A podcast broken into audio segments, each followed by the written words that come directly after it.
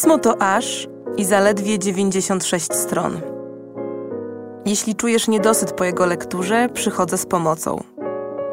Oto podcast a propos, w którym polecam co przeczytać, co obejrzeć i czego posłuchać, aby poszerzyć swoje horyzonty i wiedzę. Zapraszam, Zuzanna Kowalczyk.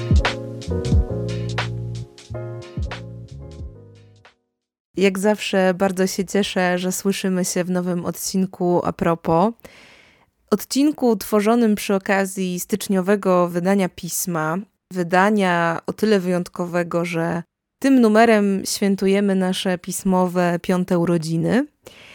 A obok tego symbolicznego jubileuszu jest to też odcinek noworoczny. No więc odcinek niewolny od takiej podsumowującej zadumy. Zadumy, która trochę stara się spojrzeć i w przód, i w tył, zastanowić nad tym, co było, po to, żeby lepiej zaplanować i pomyśleć o tym, co być może będzie, co może być. I dlatego też będzie to odcinek a propos myślenia od nowa. I tak, zdaję sobie sprawę, że temat ten nie brzmi zbyt nowo w naszym pismowym kontekście. Celowo przejrzałam tematy a propos, którymi otwieraliśmy w piśmie Nowy Rok w poprzednich styczniowych numerach. I wszystkie one były w jakiś sposób nakierowane właśnie na układanie przyszłości.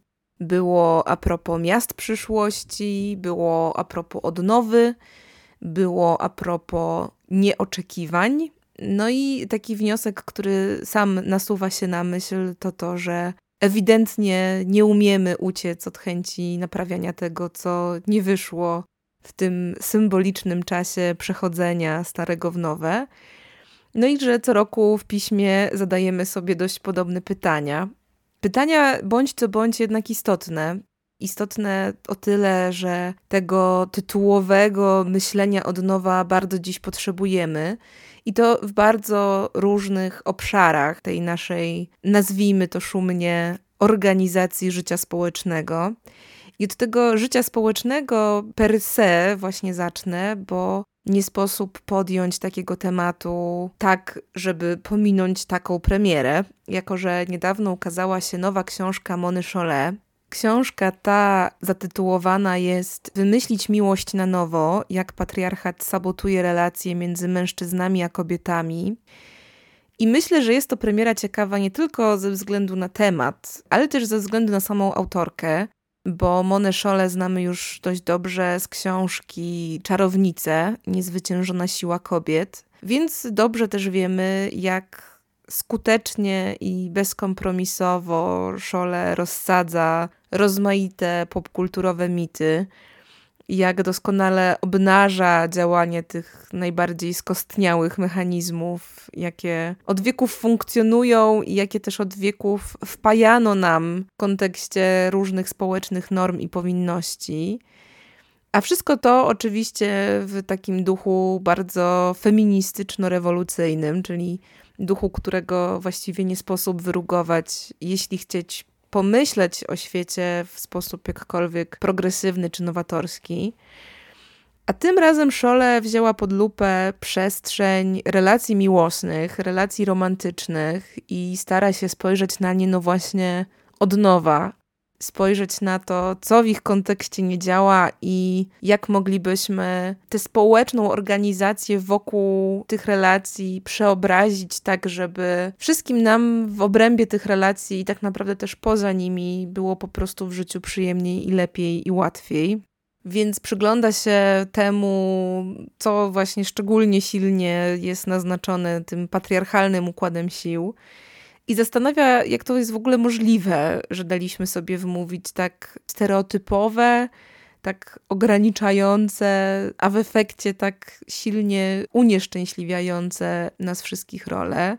Role, w których kobiety mają być jakieś, mężczyźni mają być jacyś, i mamy się w tych heteroseksualnych, oczywiście bardzo ograniczonych ramach jakoś odnaleźć. Ramy te naturalnie oparte są wyłącznie na toksycznych zależnościach, na bardzo stereotypowych uprzedzeniach. na takich też kliszowych założeniach, na bardzo hierarchicznych relacjach władzy. Czyli innymi słowy, na wszystkim tym, co w naszym świecie w zasadzie jest nie tak, i na wszystkim tym, co nie służy ani relacjom, ani tak naprawdę jednostkom, które w te relacje wchodzą. I to jest tak naprawdę najważniejszy punkt wyjścia dla refleksji Szole.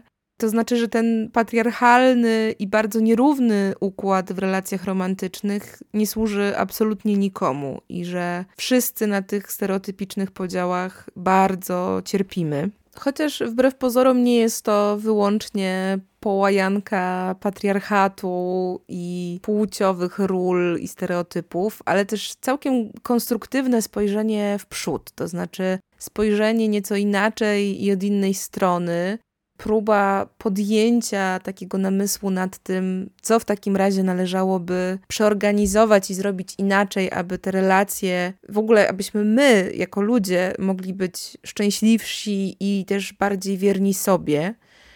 I w tym kontekście mówi Szole coś takiego, co jako dość uniwersalnie potraktowane hasło wydaje mi się dobrym otwarciem dla tego tematu myślenia od nowa, ponieważ Szole pisze, że Zaprzeczanie faktom nas nie ocali. Lepiej już skoczyć na głęboką wodę, zmierzyć się z pytaniami, które się nasuwają i rozmontować strukturę z nadzieją, że zbudujemy nową, piękniejszą i bardziej solidną. No i dobra, komuś być może takie hasła kojarzą się naiwnie, ale uważam, że niezależnie od tego, jak naiwnie dla kogoś to nie brzmi, to jednak ta pokusa pomyślenia świata od nowa ma w sobie przede wszystkim coś z odwagi, ma w sobie coś z takiej nadziei, to znaczy z takiej obietnicy, że jeszcze nie wszystko stracone, i też z takiego dość konstruktywnego podejścia, które opiera się na założeniu wyciągania lekcji z tego, co było.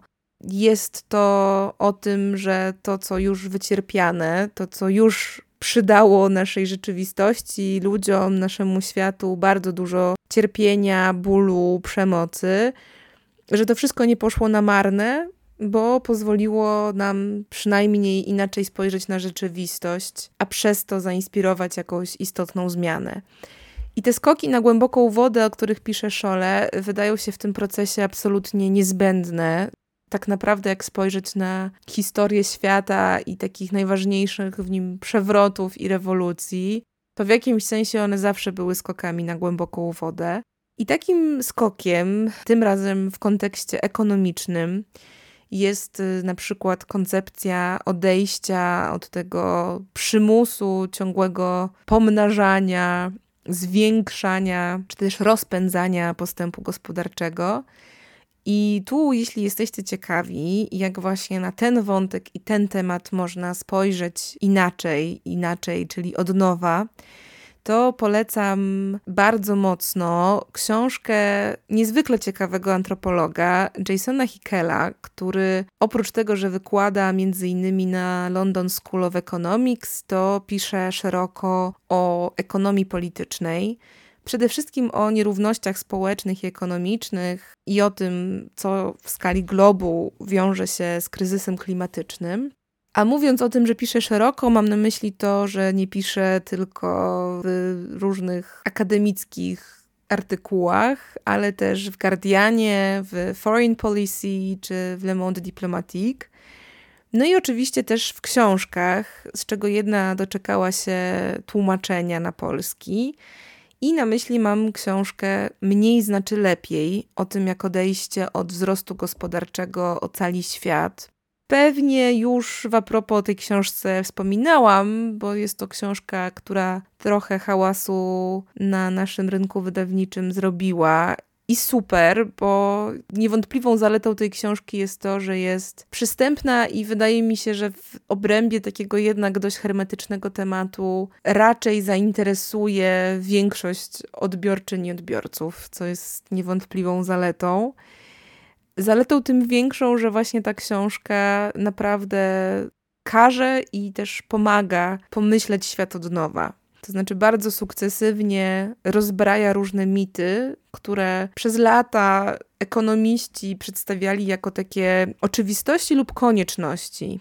No i Hickel jest jednym z tych naukowców, którzy pokazują i przekonują, że ta droga, którą do tej pory gospodarczo podążaliśmy, nie jest jedyną drogą, a wręcz jest drogą szalenie niebezpieczną, głównie z uwagi na zmiany klimatu i właśnie rosnące nierówności. No i że w związku z tymi wszystkimi zagrożeniami, które już tak sprawnie jesteśmy w stanie dziś rozpoznać, nazwać i wskazać, ta konieczność pomyślenia o tej ścieżce od nowa nie jest jakąś progresywną fanaberią, ale jest właśnie koniecznością. To znaczy, bez tego naprawdę idziemy na czołowe zderzenie z najczarniejszym scenariuszem.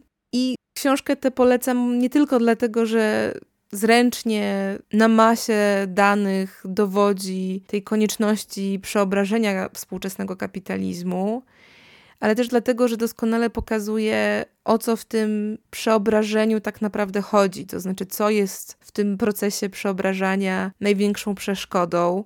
Że tym czymś jest tak naprawdę przede wszystkim odwaga spojrzenia na te kwestie, które do tej pory uchodziły za oczywiste, w nowy sposób. I to odwaga, która nie wynika tylko z tego, żeby przerwać powielanie tych samych przekonań, ale też wynika z tego, że łączy się z de facto postawieniem się tym, którzy na tym systemie, który mamy dziś, którzy czerpią z niego największe korzyści i kłócenie się, czy też wchodzenie w taką konfrontację z tymi, którym zależy na podtrzymaniu tego starego sposobu myślenia i układania świata, jest w tym procesie najtrudniejsze, a jednocześnie najbardziej niezbędne. Więc jeśli mamy mówić o lekturach, czy w ogóle rozważaniach, które jakoś otwierają głowę i do tej odwagi zachęcają, to Hikela polecam do myślenia od nowa bardzo mocno.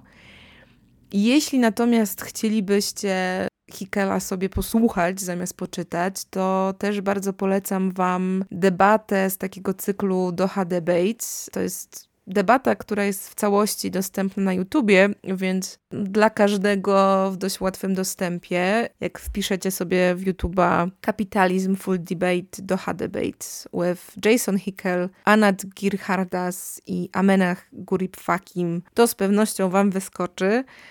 A polecam dlatego, że jest to bardzo ciekawa konfrontacja różnych punktów widzenia, które choć w różnych szczegółach mogą mieć różne perspektywy, to jednak łączy je właśnie ta odwaga i chęć pomyślenia o systemie gospodarczym od nowej i nieco innej strony. Chęć ułożenia też w inny sposób przyszłości.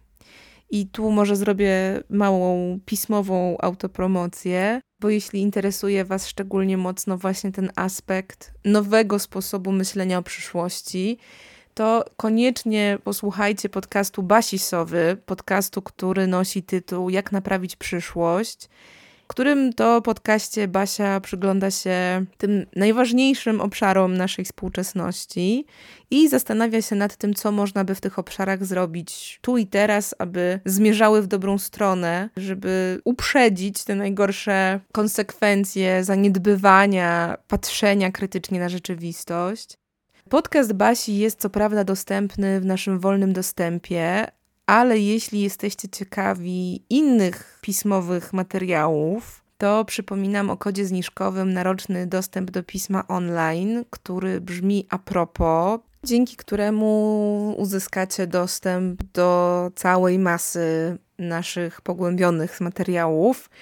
Między innymi, skoro już wspomniałam o Hikelu i przeorganizowywaniu ekonomii czy kapitalizmu, to polecam Wam sprawdzenie naszego pismowego cyklu Ekonomia 2.0, gdzie te różne nowe perspektywy opisujemy, analizujemy, poddajemy też nierzadko krytycznej refleksji. I to najczęściej na takim poziomie szukania i rozpatrywania różnych konkretnych rozwiązań, myśląc o tym, właśnie co mogłoby zadziałać najlepiej i co siłą rzeczy wiąże się z tym, co Szole nazwała skokiem na głęboką wodę, bo tego typu zmiany, jeśli mają być realne, to muszą w jakimś stopniu być skokiem w nieznane i tego typu skoki potrzebne są nam dzisiaj w bardzo różnych obszarach. Również tych odpowiedzialnych za naszą organizację, nazwijmy to życia społeczno-politycznego, I taką właśnie próbę podejmuje Brian Porter Schutz, amerykański profesor historii, który wykłada historię gospodarczą, historię idei kapitalizmu i socjalizmu oraz, co szczególnie istotne w kontekście, który zaraz podejmę, historię katolicyzmu. I choć jest to, jak wspomniałam, profesor amerykański, który wykłada na amerykańskich uczelniach, to głównym obszarem jego badań jest historia Polski. Wynika to m.in. z jego polskich korzeni, ale też z tego, że jeśli przeanalizujecie te obszary zainteresowań naukowych, o których przed momentem wspomniałam, to rzeczywiście Polska wpisuje się w nie w bardzo ciekawy sposób. Zresztą zabłysnął u nas wydaną dość niedawno, bo dopiero w 2021 roku, mimo tego, że sama książka była napisana w roku 2014. Książką Całkiem Zwyczajny Kraj, historia Polski bez martyrologii. A teraz również bez martyrologii i właśnie takiego bardzo skostniałego i jednotorowego myślenia przyjrzał się Porter Schutz polskiej religijności. Zrobił to w książce zatytułowanej Wiara i Ojczyzna Katolicyzm, Nowoczesność i Polska. I wspominam o niej, bo wydaje mi się, że w dość ciekawy sposób szuka ona nowego języka i takiej nowej perspektywy dla określenia roli i wpływu katolicyzmu w Polsce. Czyli dla tematu, który wydaje mi się, że dość usilnie i stanowczo domaga się dziś tego pomyślenia od nowa. Zwłaszcza, że właśnie przez pryzmat nowego namysłu nad tym polskim katolicyzmem Porter Schutz spogląda od nowa w ogóle na polską tożsamość. Do tej pory zrównywaną z katolickim fundamentem. Głównie po to, żeby pokazać, jak mocno ta opowieść jest nacechowana ideologicznie, jak bardzo jest nieneutralna i konkretnie ukierunkowana. W efekcie ta nowa opowieść Portera Szuca zderza się bardzo mocno z tą wiodącą narracją na temat źródeł polskości. I jest to ciekawe zderzenie. Ciekawe dlatego, że pokazuje, że ta rzeczywistość historyczna, w kontekście której nawykliśmy do bardzo jednostronnej opowieści, jest dużo bardziej złożona.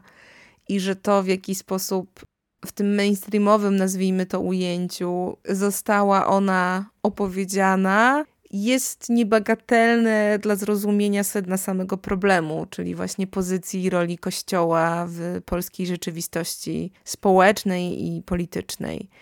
Bardzo mocno Wam Portera Szuca polecam w kontekście takiego odwracania myślenia tutaj w tym naszym lokalnym kontekście. Podobnie jak polecam takie nowe pomyślenie o naszych mniejszościach, i w tym kontekście naprawdę się strasznie cieszę, że powstają takie inicjatywy, takie projekty, jak to, efektem czego stała się wspaniała antologia Cała siła, jaką czerpie na życie. Świadectwa, relacje, pamiętniki osób LGBTQ w Polsce książka, w której zgromadzono osobiste historie i opowieści, no jak wskazuje tytuł, osób LGBTQ, które starają się żyć w kraju, który w tym życiu raczej stanowi dość sporą przeszkodę i utrudnienie. Są to opowieści bardzo poruszające, z jednej strony dlatego, że bardzo osobiste, a z drugiej dlatego, że po prostu pokazujące niesamowitą dozę wykluczenia i dyskryminacji. Ale żeby nie było tak całkiem mrocznie, to dla równowagi świadectwa te pokazują też niesamowitą dozę siły i takiej wspólnoty, która się w obrębie tych społeczności wykluła i która ten mur ksenofobii i homofobii zaczyna stopniowo przebijać która też kreuje nowy język, nowy sposób myślenia o relacjach, nowy sposób organizowania sobie życia. Bardzo ważna książka, która wydawniczo mnie cieszy jako takiego swego rodzaju już nawet nie tylko kategoria literacka, ale też taki statement sam w sobie.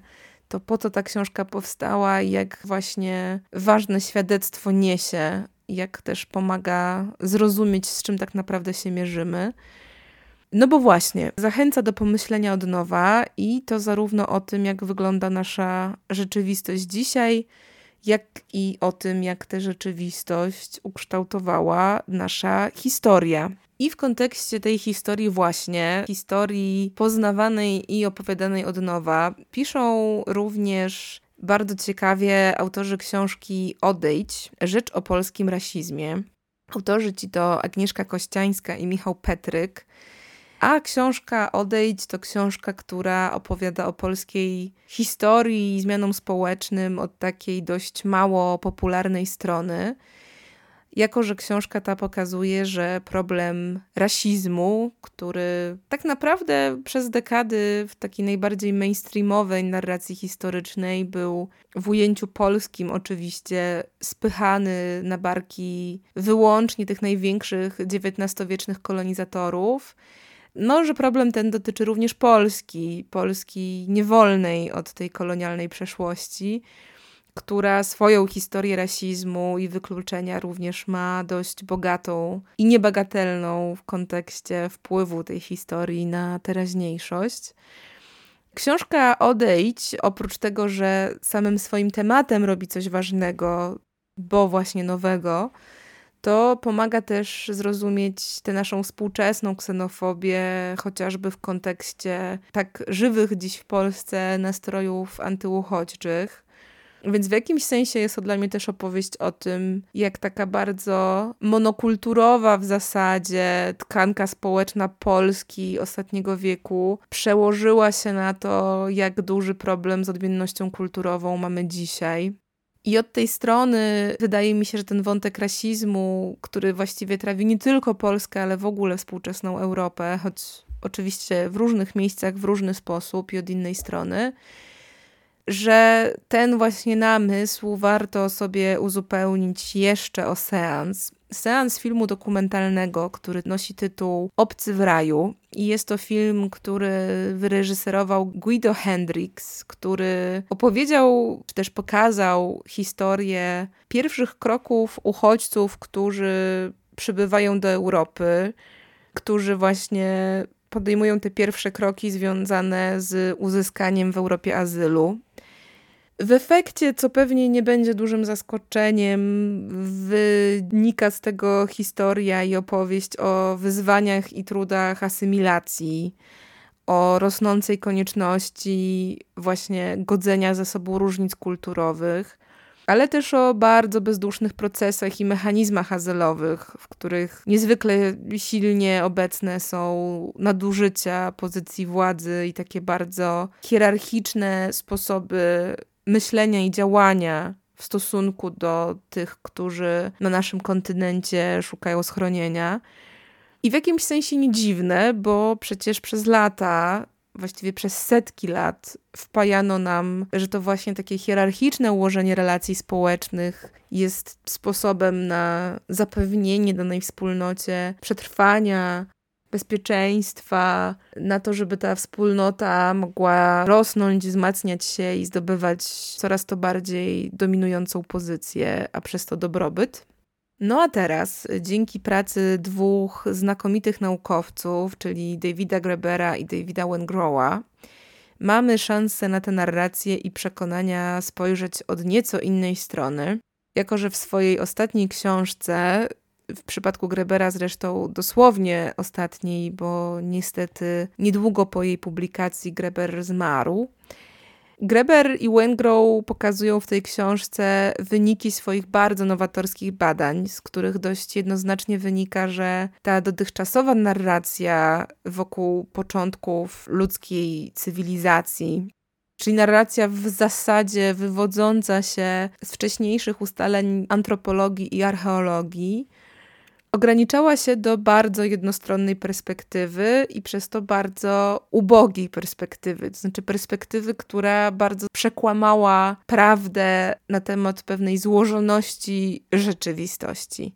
Ponieważ perspektywa ta ignorowała właściwie wszelkie dowody na to, że ewolucja naszego gatunku zachodziła dzięki bardzo różnym pomysłom na organizację społeczną i że to właśnie nie tylko tym najbardziej zamordystycznym hierarchicznym czy przemocowym, ale też, no jeśli w ogóle nie zwłaszcza, tym opartym na współpracy, na emancypacji, na budowaniu bardzo równych struktur społecznych, w których każda jednostka w obrębie wspólnoty miałaby głos, miałaby równe prawa i miałaby szansę kontrybuować na rzecz tej wspólnoty w sposób no w jakimś sensie spójny z nią samą, w sposób, który dawałby tej indywidualnej perspektywie też wybrzmieć, w sposób, który nie ograniczał się do na przykład tych płciowych, stereotypicznych, bardzo ostrych podziałów czyli perspektywa, która tak naprawdę sprowadza się do tego, że argumenty na rzecz bardzo hierarchicznego układania właśnie funkcjonowania wspólnot, systemów politycznych, państw, prawa itd. Tak argumenty, które opierały się na pewnej wizji przeszłości, no właściwie tracą swoje umocowanie w obliczu tych odkryć, których dokonali Graeber i Wengrow i że tak naprawdę ta skuteczność ewolucji ludzkiego gatunku nie wynikała z tych jednych, jedynych prerogatyw, które do tej pory rozpatrywano. Że tych sposobów może być znacznie więcej i że właśnie możemy myśleć zupełnie inaczej o organizacji życia społecznego i o wspólnocie. Książka ta nosi tytuł Narodziny Wszystkiego Nowa historia ludzkości. Nie czytałam co prawda polskiego przekładu, bo posiadam oryginał, ale z tego co wiem, książka i w polskim tłumaczeniu jest super i dużo osób przekonuje, że czyta się ją lekko i przystępnie, więc z pewnością warto po nią sięgnąć. Też dlatego, że po prostu bardzo takich opowieści potrzebujemy, aby rzeczywiście pomyśleć od nowa Takich, czyli właśnie sięgających do samych korzeni naszych przekonań o świecie i przekonań o samych sobie. Mam nadzieję, że w nowym roku będziecie mieć do takiego myślenia od nowa wiele okazji.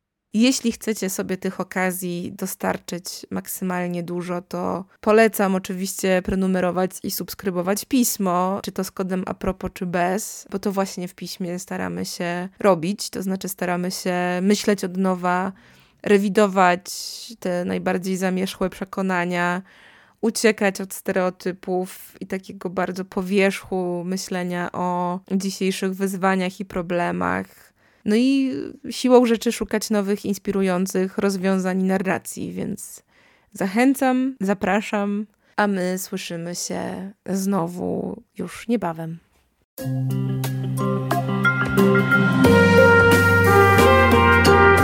Pismo. Magazyn opinii.